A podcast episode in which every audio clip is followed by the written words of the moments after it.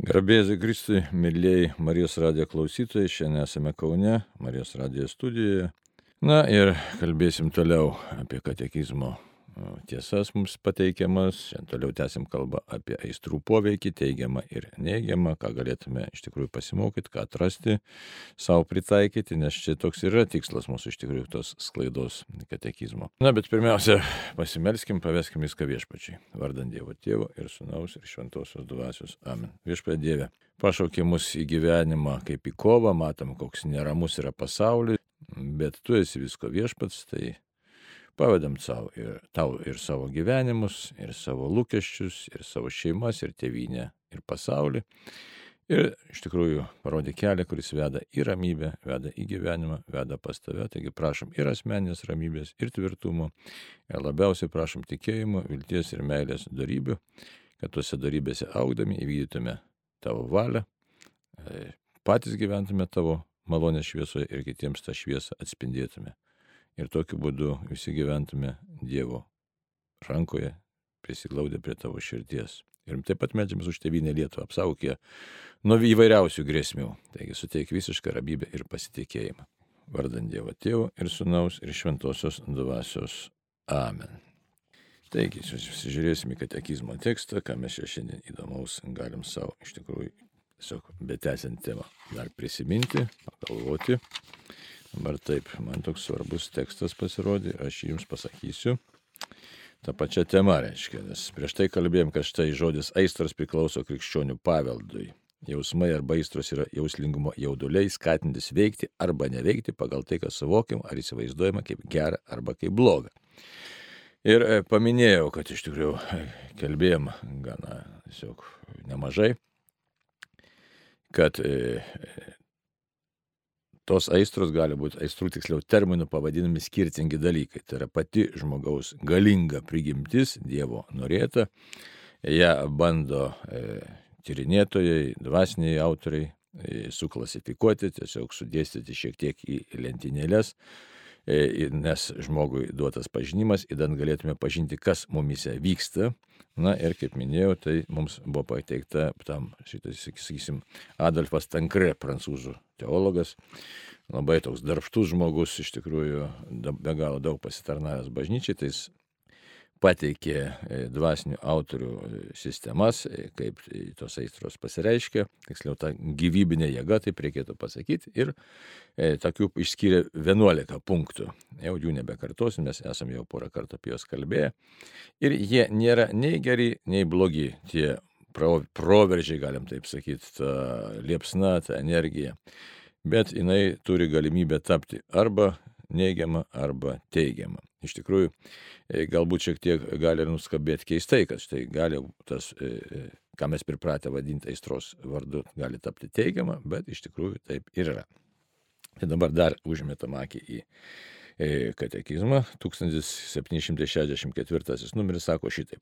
Aistros yra žmogaus psichikos natūralūs dėmenys, jos užima tarpinę vietą tarp jūslinio ir dvasinio gyvenimo ir yra jos jungianti grandis. Mūsų viešpas pastebi, kad šaltinis, kuriame tūno aistros, yra žmogaus širdis. Žmogaus širdis, tai čia reiktų pasakyti, kad, na, ne ta fizinė, bet tai, kas mumyse tiesiog, aišku, labai norisi, kaip save žmogus identifikuoja, tai kažkur krūtinėje kažkas čia tokio, na, nepaprastai galingo, gražaus slypi, tai už tai kalbam žmogaus širdis. Įdomu net, nesmegenyse, ne kažką, liktai mūsų tapatybė, nors smegenys toks be galo svarbus organas.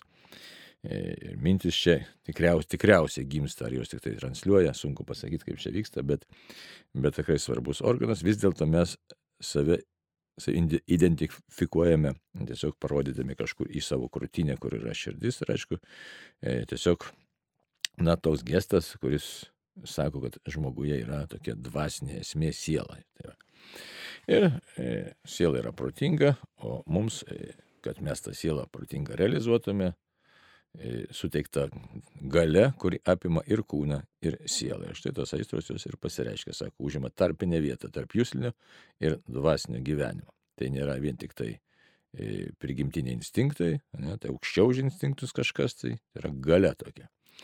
Tai va, tai tokia ir mintis, kaip čia tai mūsų problema iš tikrųjų, kaip prigimtis, aiškia, tos prigimtinės geros galios, aiškia, tampa e, kartais negatyviamis, arba gali, ar gali tapti, irgi galim paklausti net tokio dalyko, ar gali tapti jos teigiamomis e, jėgomis. Tai va.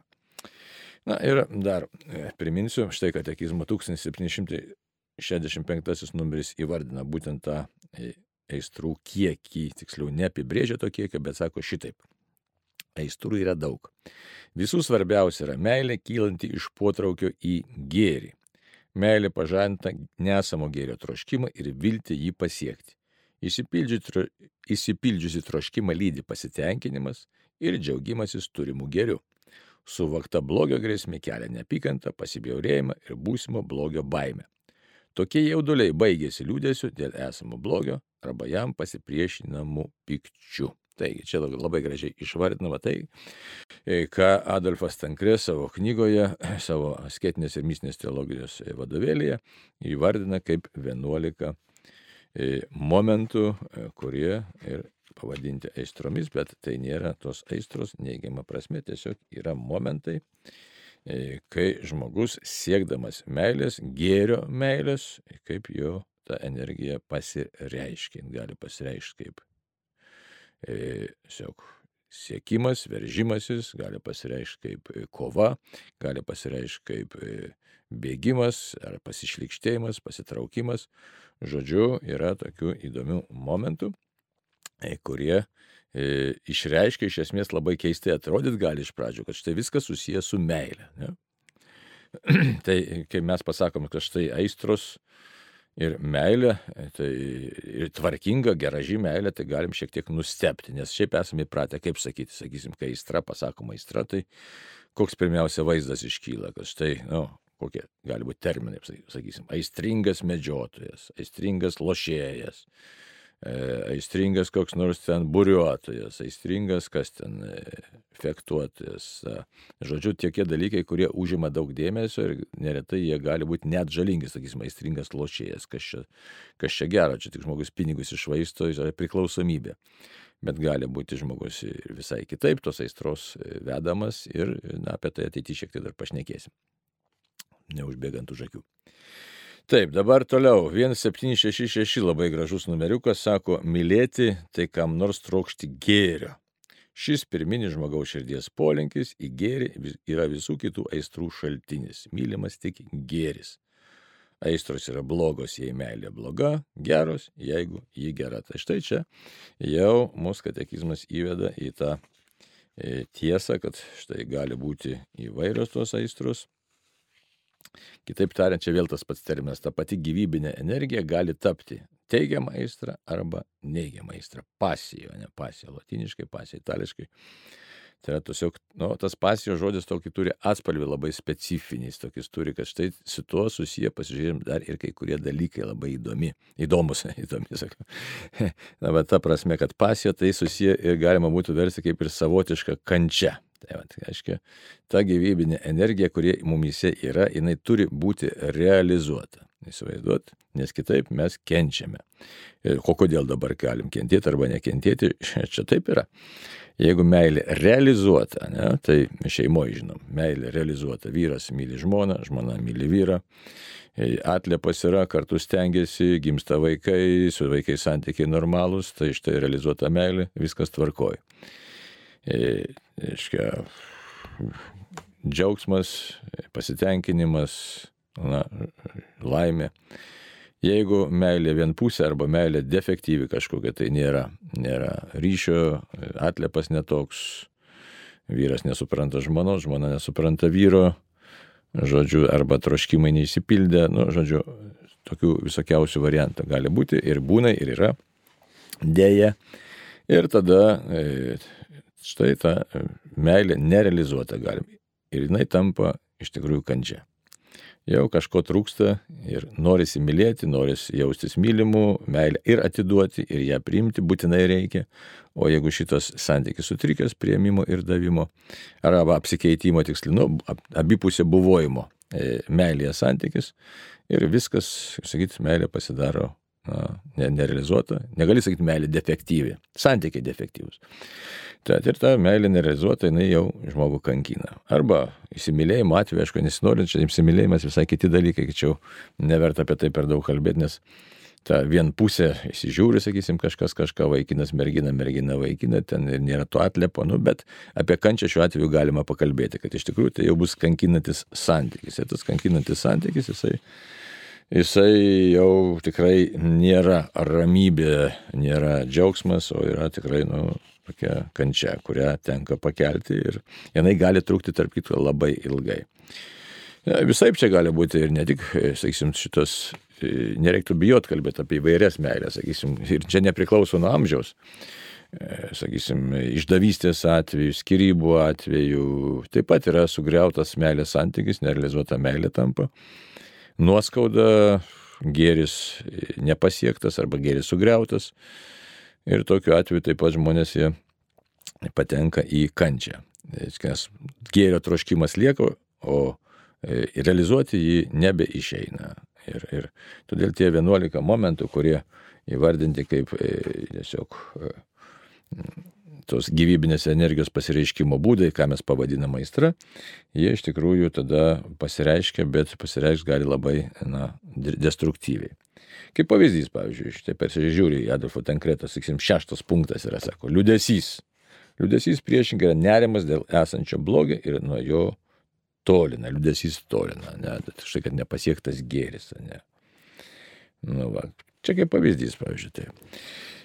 Gerai, tai dabar žiūrim toliau, ką mes čia galim savo iš to e, teksto pamatyti, kad štai mylimas tik tai gėris, o, o aistros yra blogos, tada ta gyvybinė energija tampa bloga aistra, kai meilė bloga, geros, jeigu ji gera.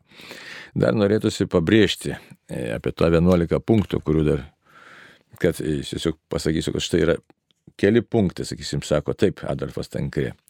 Pirmos šešios aistros, tos jėgos gyvybinės, nu, o, galėtume sakyti, vitalinė energija, kaip mėgsta kartais ne, latiniškai pavardot. Vitalinė energija toks. Bet čia nieko bendro su ezoterika ne, neturi ir neturėkit minčių, kad čia kažkokius tai terminus vartosim, kurie, kurie yra kažkokie tai neteisingi. Tai, va. tai e, gyvybinė energija aistra, tai reiškia, sako, šitai pirmos šešios. Pirmos šešios yra tokios, priminsiu. Meilė, neapykanta, troškimas, trūkstamo gėrio, pasibjaurėjimas, linksmumas, liudesys. Tai sako šitai, pirmos šešios aitros kylančios iš geismingo prado, šio laikinių tyrinėtojų vadinamas malonumo ar pasitenkinimo arba geidimo aistromis. Ir čia nieko tame blogo arba nieko gėdingo tame nėra, kad štai malonumo, pasitenkinimo ar geidimo. Tiesiog tai yra susijęs su gėriu ir tas gėris atneša pasitenkinimą arba geidimą arba malonumą. Ir čia nieko blogo tame nėra. E, nes žmogus sugeba skirti, kas gera ir kas bloga, ir tas skirimas įdėtas į žmogaus širdį. Ir labai įdomus dalykas, paskui dar paskaitysim vieną katekizmo tekstą, kada žmogus tobulai bulai buvoja iš tikrųjų, kada jisai tobulas yra, aiškiai, moralės požiūrių. Tai mes, e, kai kalbam apie asmenybę, mes įvardam tokius dalykus - valia, tai, atsiprašau, protas, valia, jausmai, ne protas, valia, jausmai. Protas turi dominuoti, valia priimti sprendimą. Ir e, įvairiais laikmečiais buvo įvairiai ten e, varijuojama tais jausmais ir emocijomis. Buvo laikmetis, ilgą laiką truko, kad štai tik valia ir turėjo dominuoti ir mes tą matome įvairiuose kultūrose, nebūtinai net krikščioniškose ar pusiau krikščioniškose. Ir dabar kodėl sakau pusiau krikščioniškose, na, arba tiesiog krikščioniškose, bet ne katalikiškose, reiktų šitaip sakyti, ne. E, tai čia labai tokios įdomios studijos yra, ne tik tai ne tik tai krikščioniškų, sakysim, autorių, bet yra tiesiog neutralių, visai psichoterapeutų, psichologų apsudijos.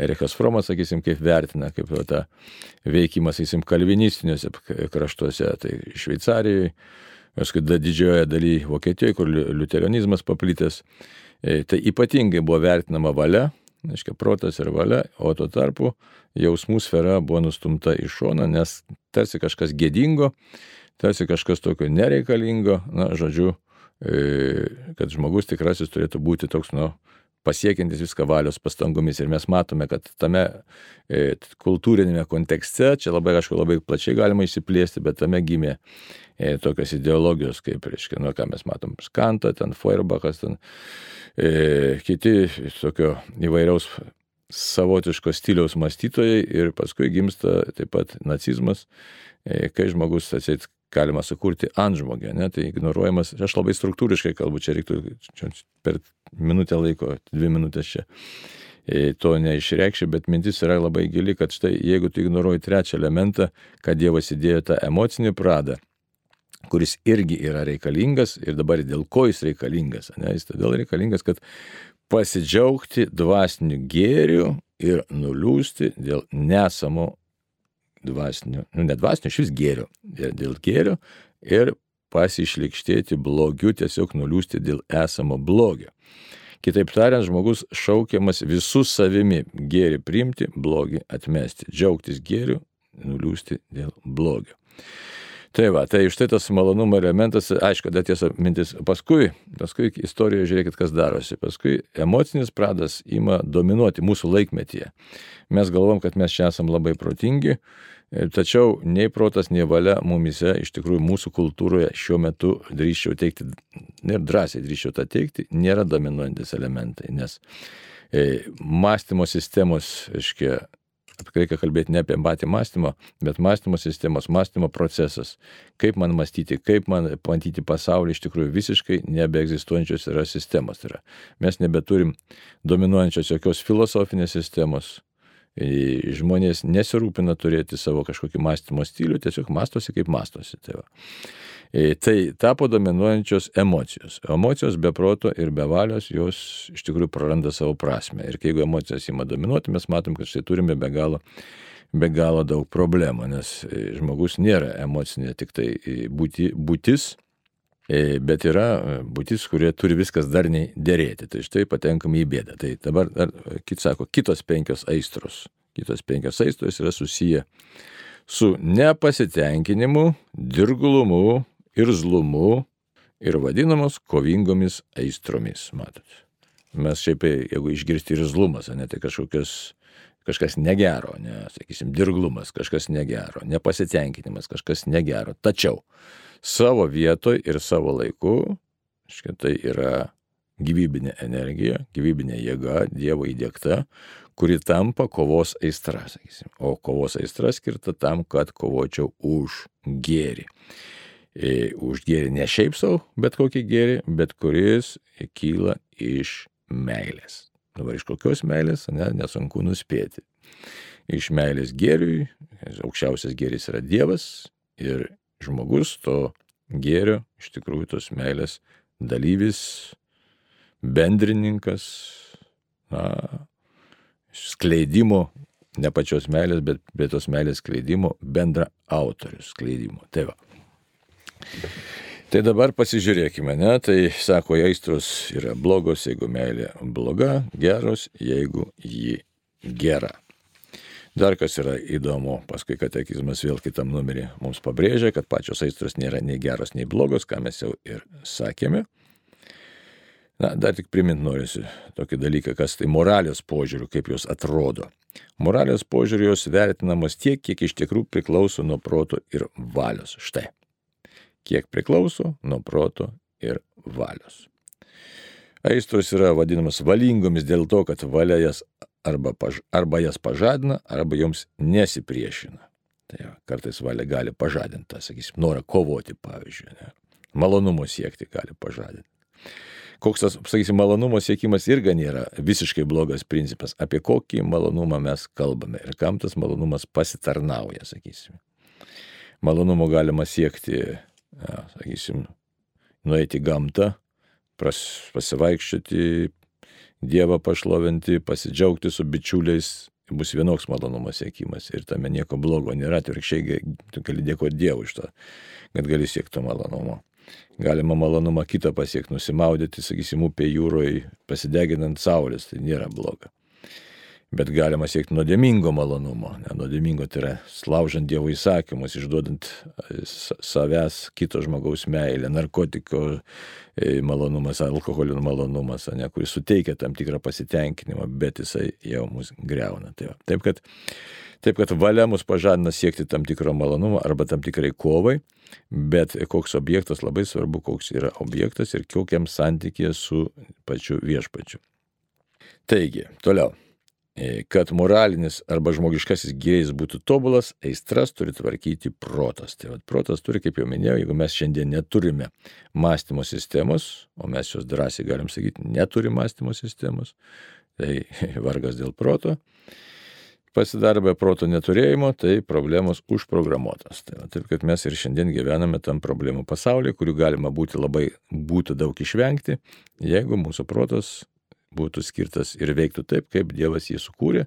Tai yra pažinti Dievą, pažinti gėrį, to gėrio laikytis, valia apsisprendžia visi jausmai ir emocijos ir verda, džiaugiasi, aistros mus veda link gėrio ir šalina nuo blogio. Dabar taip. Dar noriu aš papasakoti šiek tiek apie dabar e, aistrų padarinius. Jo? Aistrų padariniai kokie yra. Aš nu, čia tiesiog paimsiu ir pacituosiu E, Adolfą Tankri keletą čia jo e, minčių, tiksliau ne minčių, o surinktų tokių teologinių tiesų.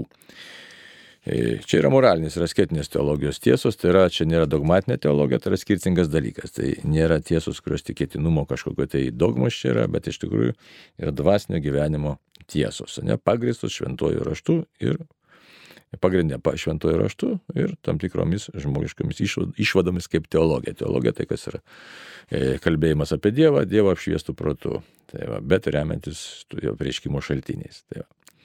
Taigi, e, toks yra numerėlis pas jį. Ir vadinasi šitaip - nevaldomų aistrų padariniai.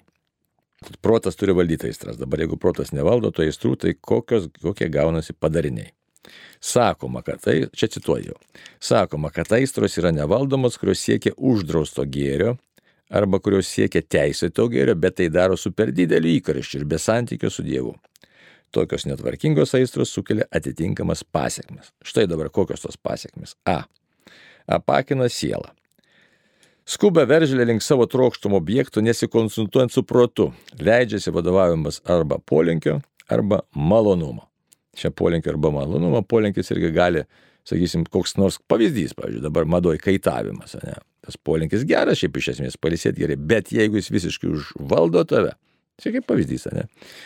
Ir e, tu nebeturi laiko kitiems dalykams, tai jau nebesikonsultuoji su protu. Tai va. Taip sudrumsdamos sielą sukelia grėsmę teisingo sprendimo prieimimui, sukelia grėsmę teisingo sprendimo prieimimui arba aptemdo blaivų protą. Jūslinis geismingumas savo prigimtimi yra, yra aklas. Šitą reikia žinoti. Jis turi būti tas jūslinis geismingumas, bet savo prigimtis yra aklas. Ir jeigu žmogiškoji siela ima jo vadovautis, ji taip pat tampa akla. Štai, dvasinis aklumas, jeigu protas nevaldo gyvybinės mums duotos energijos ir tada ta gyvybinė energija tampa aistra, kuri mus greuna. Tada tampa tomis aistromis, kurios išskaičiuotos ten tos aštuonios aistros arba septynios didžiosios nuodėmės. Kodėl septynios aštuonios, jau kalbėjom kartą, paskui galėsim dar prisiminti, kodėl taip yra.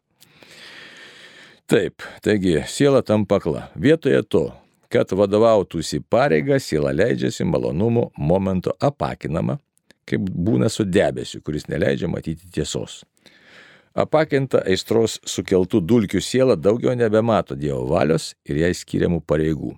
Ir tokiu būdu tampa nepaėgi ištarti teisingo sprendimo. Nu, taip kad vienas padarinys - apakina sielą. B. Antras padarinys - vargina sielą ir ją kankina. Šventas Jonas nuo kryžiaus arba šventas kryžiaus Jonas, kaip sakom, sako, jog aistros, čia lapcėti tą švento Jono, Švento kryžiaus Jono iš kopimo į Karmelio kalną, iš tikrųjų pateikė Adolfas Tankretą citatą. Taip sako. Jok aistros būna kaip irzlus maži vaikai, kurių niekaip nepavyksta nuraminti. Prašo mamos tai šio, tai to ir niekad nebūna patenkinti. Kaip nuvargsta išsenka tie, kurie ieško loberio neranda, taip nuvargsta ir išsenka siela, siekdama patenkinti aistrų keliamą troškulį. Ir kai galų gale pasiekia, taip pat nuvargsta, kadangi niekuomet nepasitenkina atlygiu. Lygiai kaip ir karščiuojantis žmogus niekada nesijaučia gerai, kol temperatūra neatslūksta ir kol jis jaučia karščio keliamą troškulį. Apetitai arba aistros vargina ir kamuoja sielą. Apetitas čia irgi latiniškas žodis apetitus, jo. tos troškimas, geismas, net taip galima geismų versti. Vargina ir kamuoja sielą. Varkšelė apleista, susijaudinusi, liūdna kaip bangos nuo vėjo. Tai va. Taip kad kas čia gali? Varginimas. Kalbėjome apie tą varginimą. Tai tas tiesiog kankinimas čia reiktų sakyti. Iškia, toliau. Kuo stipresnė aistra, tuo kyla didesnė kančia. Jos tol kankina vargšę sielą, kol nebūna atitinkamai atlygintas. Čia tai kankinimas jau vienas momentas buvo užsiminęs, kad štai galim iš savo parties, patirties, manau, daugelis pasakyti, kad štai kaip tikrai tas kankinimas vyksta, kažko nori to, nu, negali, kol nepatenkinti, įvairiausi gali būti troškimų. Vienas namo nori, kitas mašinos nori, kitas dar kažko nori ir taip, taip toliau, žinai. Tai galima čia šaržuoti ir nešaržuoti, kažkas krūtų didesnių nori, kažkas dar prigalvoti. Begalė yra dalykų, kai viduje, jeigu tas esantis geismas, gyvenimo geismas, savotiškai jisai kol nepatenkinamas, jisai tampa nerimu. Na ir tada, tada, jeigu protas nevaldo, tai patenkam į bėdą. Tai, va, tai dabar taip žiūrim kuo stipresnė aistra, tuo kyla didesnė kančia. Ne? Tai, tai kodėl dabar? Jos sako, tol kankina vargšė siela, kur nebūna atitinkamai atlygintos. Tai turi patenkinti tą, tą troškimą, tą geismą. Bet, bet kadangi apetitas kyla bevalgant, aistros reikalauja vis daugiau ir daugiau, vis labiau stiprėja. Įsivaizduoju, tai atrodytų, kad štai, nu, pavyzdžiui, Paleistuvystės atveju. Viena meilužė, kita, taip toliau atrodo sustos. Reiškia, iš tikrųjų nesustoja. Kodėl nesustoja? Už tai, kad pabaigos tai deginančiai ugniai nėra, išsprūdo iš proto ir valios kontrolės aistra, gyvybinė energija tapo įda, tapo tą greunančią aistrą ir ją dabar reikia specialiai stabdyti, nes niekad jinai nepasotinama yra. Tai čia apie tai šventas raštas labai dažnai kalba, kad štai deginanti ugnis. Jo. Sąžinė nesiryšta, aistros nekantrauja, kyla jaudulys, lenkia valią pasiduoti vis naujai užgimstantiems troškimas. Tai yra neišreiškima kankinė. Tai va. Trečias C. Susilpnina valią. Grumdamosi visomis prasmėmis sukilusių, grumdama visomis prasmėmis sukilusią aistrų valia turi eikvoti jėgas, įdant tas aistras susilpnintų. Visą tai, kas pasiduoda aistroms, sustiprina jų pretenzijas ir slopina energiją. Panašiai kaip medžio ūgliai ir sausos šakos, taip ir geismai, kurių individas nesugeba suvaldyti, žingsnis po žingsnio stiprėja ir vagia sielos jėgas, kaip ir parazituojantis medžio ūgliai. Taip ateina momentas, kai siela pasiduoda drungnumui ir atsipalaidavimui, pasiruošusi visokiems sandėriams. Čia turima mintis sandėriai su sąžinė, tai reiškia silpnina valią. Atakuoja, atakuoja, atakuoja ta gyvybinė jėga, jeigu protas nepasako laiku ne, tas aistra tampa, kaip sakyti, jau tokia įkyri ir galų gale valia silpnė, silpnė, silpnė ir pradė priminėti tam tikrus kompromisus. Čia kaip pavyzdys, pavyzdžiui, nemažai mūsų jaunų žmonių dabar kenčia nuo priklausomybės nuo pornografijos. Tikrai labai nemažai. E, yra net įsisteigę e, anoniminiai šitos priklausomų nuo, nuo, nuo nu, seksoholikų tiesiog tokie grupelės, panašiai kaip anoniminių alkoholikų arba anoniminių narkomanų. Tai va, tai žmogus kaip atrado, jis nori, nori, nori pasižiūrėti, ką ten žiūrėti, aiškiai, šiaip žinomas, vis, viskas turinys žinomas, ne, ne, visas žmonija tą turinį žino, bet va, taip žmonės veikia štai ir paskui valandų valandas sėdi, žiūri, žiūri, žiūri tą patį, tą patį, tą patį. Tai toks labai šlikšti prie bjauri priklausomybė, kuri palaužia žmogų, pavagia jo laiką, energiją vagia, aišku, dar bežinėdami tą pornografiją, dar kas ten masturbaciją užsima, dar savo organizmą sekina ir, ir aišku, kad sėdi nuodėmi. Panašiai su lošimais irgi panašiai yra. Kažkas žinutę parašė, tik tai aš noriu dar pasakyti vieną momentą, C dar pas, D padarysiu, tai aš sakysiu, tai galėsim žinutę paskui paskaityti. Tai va taip, kad vargina, silpnina valią, reikia žinoti, jeigu laiku, laiku savo gyvybinės energijos nesutvarkai, nenukreipi tinkamą e, e, kryptimį, kitaip tariant, jeigu neįsivedė tvarkos, tai turėsi bėdų ir paskui bus toliau, toliau atsispirti sunkiau. Na, dar grįžtu prie tos pačios pornografijos. Žmogus užmeta, tik užmėsiu akį, ne, paskui truputėlį nu, ir, ir važiuoja. Tai čia kaip, kaip ir su lošėjais. Truputėlį pastatysiu ten e, už, už vieną eurą paskui, ne? o paskui pasibaigia to, kad pralošia viską. Didžiausias sumas pralošia, namus pralošia. Taip, toliau D. Sutepa siela. Kai siela pasiduodama įstroms prisišlėja prie kūrinių, siela prisišlėja prie kūrinių, įsivaizduok, čia reikia įsiklausyti. Nusileidžia iki jų lygio ir tai perima į piktybę ir nešvarą. Vietoj ištikimo Dievo paveikslo siela pasidaro atvaizdu tų dalykų, su kuriais susivienyje. Įsivaizduok, mes esame Dievo paveikslas ir atvaizdas, jeigu mes prisišlėjom savo gyvybinę energiją prie kūrinių, mes su tais dalykais tarsi susivienėm. Taigi, dvitaškis. Dulkės ir purvo dėmė sutepa grožį, sugriaudamus tobulą sielos sąjungą su Dievu. Ir čia jums reikėtų iš tikrųjų paskaityti, aš atsinešiu specialinę šią nuorodą ir Adolfo Tankre citatą iš, aiškiai, Švento kryžiaus Jono kopimas į Karmelio kalną, pirmoji knyga, devintas skyrius, trečias, ketvirtas numeriai. Tai vat. Tik tai dabar Andrius ten rodė, kad ten žinutę kažkas parašė, žiūri laikrodį, tai atsiliepkime žinutę ir paskui paskaitysiu Jono nuo kryžiaus. Taip yra klausytojo klausimas, ar krikščioniui nenuodėmė mėgautis katarsinę ekstazinę įstrą ar leist užvaldyti kūną maldos orgasmui.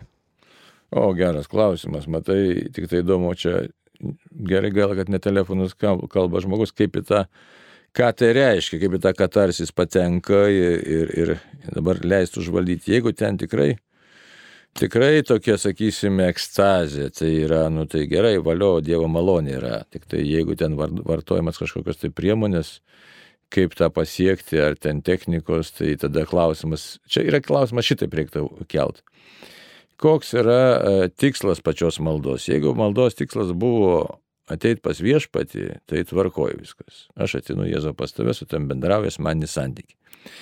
Jeigu aš į maldą atėjau, kaip sakyti, nelietuviškai ne, ne, ne čia skamba atėjo malda, tai tiesiog melžiuosi tam, kad patirčiau e, malonumą, atsipalaidavimą ir tai tampa pagrindiniu tikslu, tai čia yra negerai su tokia malda ir su manim negerai.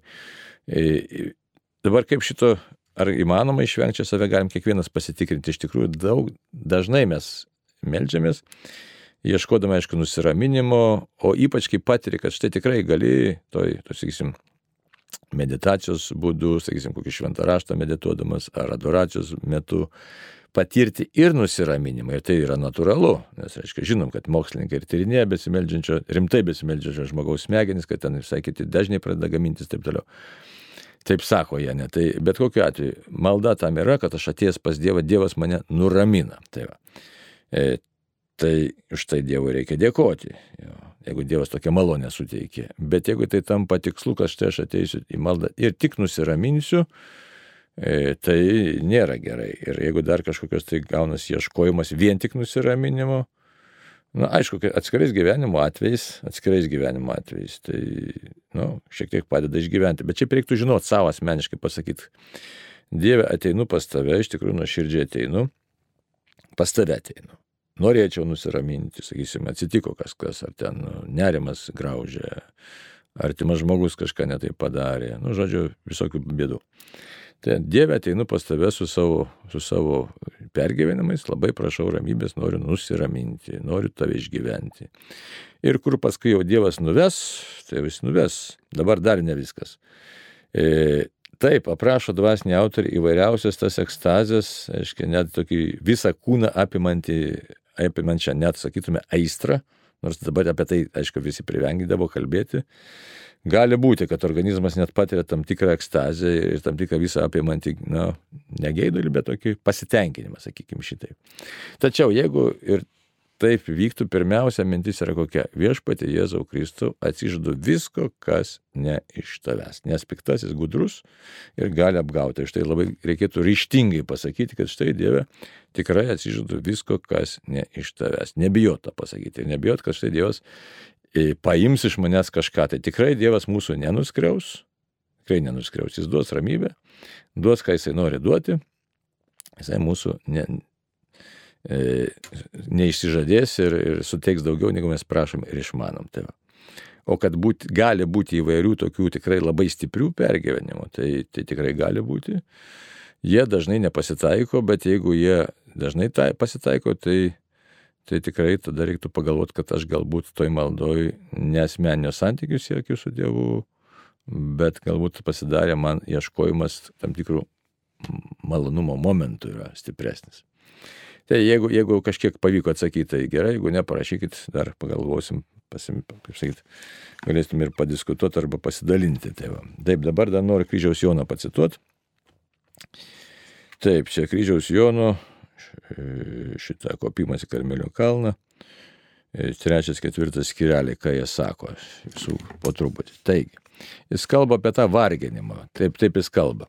Taigi, visą šį ir dar didesnį blogį sielos grožį padaro netvarkingi apetitai šio pasaulio dalykams. Žodžiu, kalbėdami apie bjaurę ir purviną išvaizdą, kurią apetitai gali suteikti sielai, nerastume jokio voratinklio ir roplių, bjauraus kaip kaip mirusio kūno ar kokio nešvaraus purvino dalyko gyvenime ar vaizduoti, su kuriuo galėtume ją palyginti. Kryžiaus Jonas nori pasakyti, kaip sutepa mus netvarka mūsų aistrose. Tai va. Nors iš tiesų netvarkinga siela savo prigimties, prigimtinės būties prasme tebėra tokia pat tobula, įsivaizduot, tobula. Kaip tada, kai Dievas ją sukūrė, Proto būties prasme ji bjauri ir pasišlikštėtina, purvina, tamsi ir kupina visų minėtųjų bei daugybės kitokių blogybių. Pakanka tik vieno netvarkingo apetito. Apetitas tai įstatas geismas, kaip sakiau. Kaip toliau pasakysime, net nepriklausančio prie mirtinųjų nuodėmė, įsivaizduot, net nepriklausančio, kad siela taptų tokia suvaržyta, purvina bei bjauri, ir kad niekaip nebegalėtų susijungti vienybėje su Dievu. O vienybė su Dievu yra mūsų tikslas visų iš tikrųjų. Prieš tai neapvalius to apetitą. Tai kokiagi ji bjauri, visiškai apsileidusi savo aistrose bei pasidavusi savo apetitams ir kokia nutolusi nuo Dievo ir jo tyrumo. Tai štai, čia mums visiems, kai galvojame apie save, kad štai esu geras katalikas, geras krikščionis, čia supranti, čia didelių nuodėmių nedarau ir kaip mes gana toli nuo Dievo. Dabar žiūriu, laiko mažai, labai mažai liko, ne, tai kitos citatos jau nebespėsiu jums pacituoti kitą kartą, jeigu Dievas leis ir dar žinutė kažkokia yra, ne? Viena ypač šiuo metu aktuali žinutė sveiki, kiek laiko turėtume praleisti socialiniuose tinkluose, kad tai netaptų priklausomybė ir svarbu reguliariai sportuoti tikinčiam žmogui. Taip, labai svarbu tvarkos klausimas, labai gerai pakėlėt, iškėlėt klausimą, nes viską reikia prižiūrėti. Kūnas, tas Dievo duotas aslas, jau šiandien ką mylime, šventą pranciško, ne tai ką sakė šventas pranciškus, broli aslą reikia prižiūrėti, jeigu tu jo nešersi, tai jisai padvės ir padvės nelaiku ir ne vietoje. Jeigu jį lepinsi, jisai išgvers. Tai, va, tai jam neduosi darbo, tai va, taip, taip kad e, reikalinga tvarka, tvarka už tai protas ir valia turi e, dirbti. Tai kiek tas, aišku, sportavimas? Sportavimas gali tapti aistra, kuri mus greuna, sportavimas gali būti gera aistra, kuri mus stato. Tai va, taip, kad, taip kad, o kiek socialiniuose tinkluose, aš manau, kad kuo mažiau juose reikia praleisti. Tiek, kiek, tiek, tiek man reikia, tiek, kiek reikalinga bendrauti ir kiek reikia informacijos gauti nes turim gyventi realų gyvenimą, o ne virtualų gyvenimą. Taigi žiūriu, viskas 30 sekundžių liko. Taip. Kiek liko? Dvi minutės liko. Kaip smagu, tai gerai, dar noriu pacituoti dar ketvirtą, ketvirtą numeriuką. Neįmanoma paaiškinti žodžiais ar suprasti protų, kiek įvairių nešvarumų kyla sielo iš apetitų įvairovės. Jei būtų įmanoma pasakyti ir paaiškinti, tai reikėtų stebėtis ir labai atjausti, matant, kaip kiekvienas didesnis ar mažesnis apetitas priklausoma nuo jo kiekybės ir kokybės palieka savo nešvarumo bei bjaurumo pėdsaką ir nuosėdą sieloje. Ir kaip vienas vienintelis dėl plo, proto netvarkos, čia įsiklausykim, dėl ploto, proto netvarkos, gali palikti nesuskaičiuojamų didesnių bei mažesnių ir vis kitokios rūšies nešvarumų. Kaip vienoje teisioje sielos tobulybėje, kuri yra sielos teisumas, klūdi nesuskaičiuojamos turtingiausios dovanos ir daugybė gražių dalykų, darybių kurių kiekviena vis kitokia ir savai patraukli, atitinkanti daugybę įvairių meilės Dievo jausmų, taip ir netvarkingoje sieloje, priklausomai nuo įvairių jos apetitų kūriniams, glūdi apgailėtinė nešvarumų ir niekšiškumų įvairovė palikta minėtųjų apetitų. Netgi niekšiškumų įvairovė. Taigi, taigi, brangiai, pasiliekam iš tikrųjų kovoje. Klausimas labai svarbus tvarkos klausimas. Tai laimina mūsų visus Dievas ir melskime už Lietuvą tikrai toks paraginimas mažykim Marijos, kad karo baisybės mūsų nepaliestų ir ne tik karo, visos kitos baisybės, nes Dievas mus tikrai myli, tą jis įrodė tūkstančius kartų. Taigi prašykim Marijos, prašykim mūsų kankinių užtarimų ir Dievas su mumis.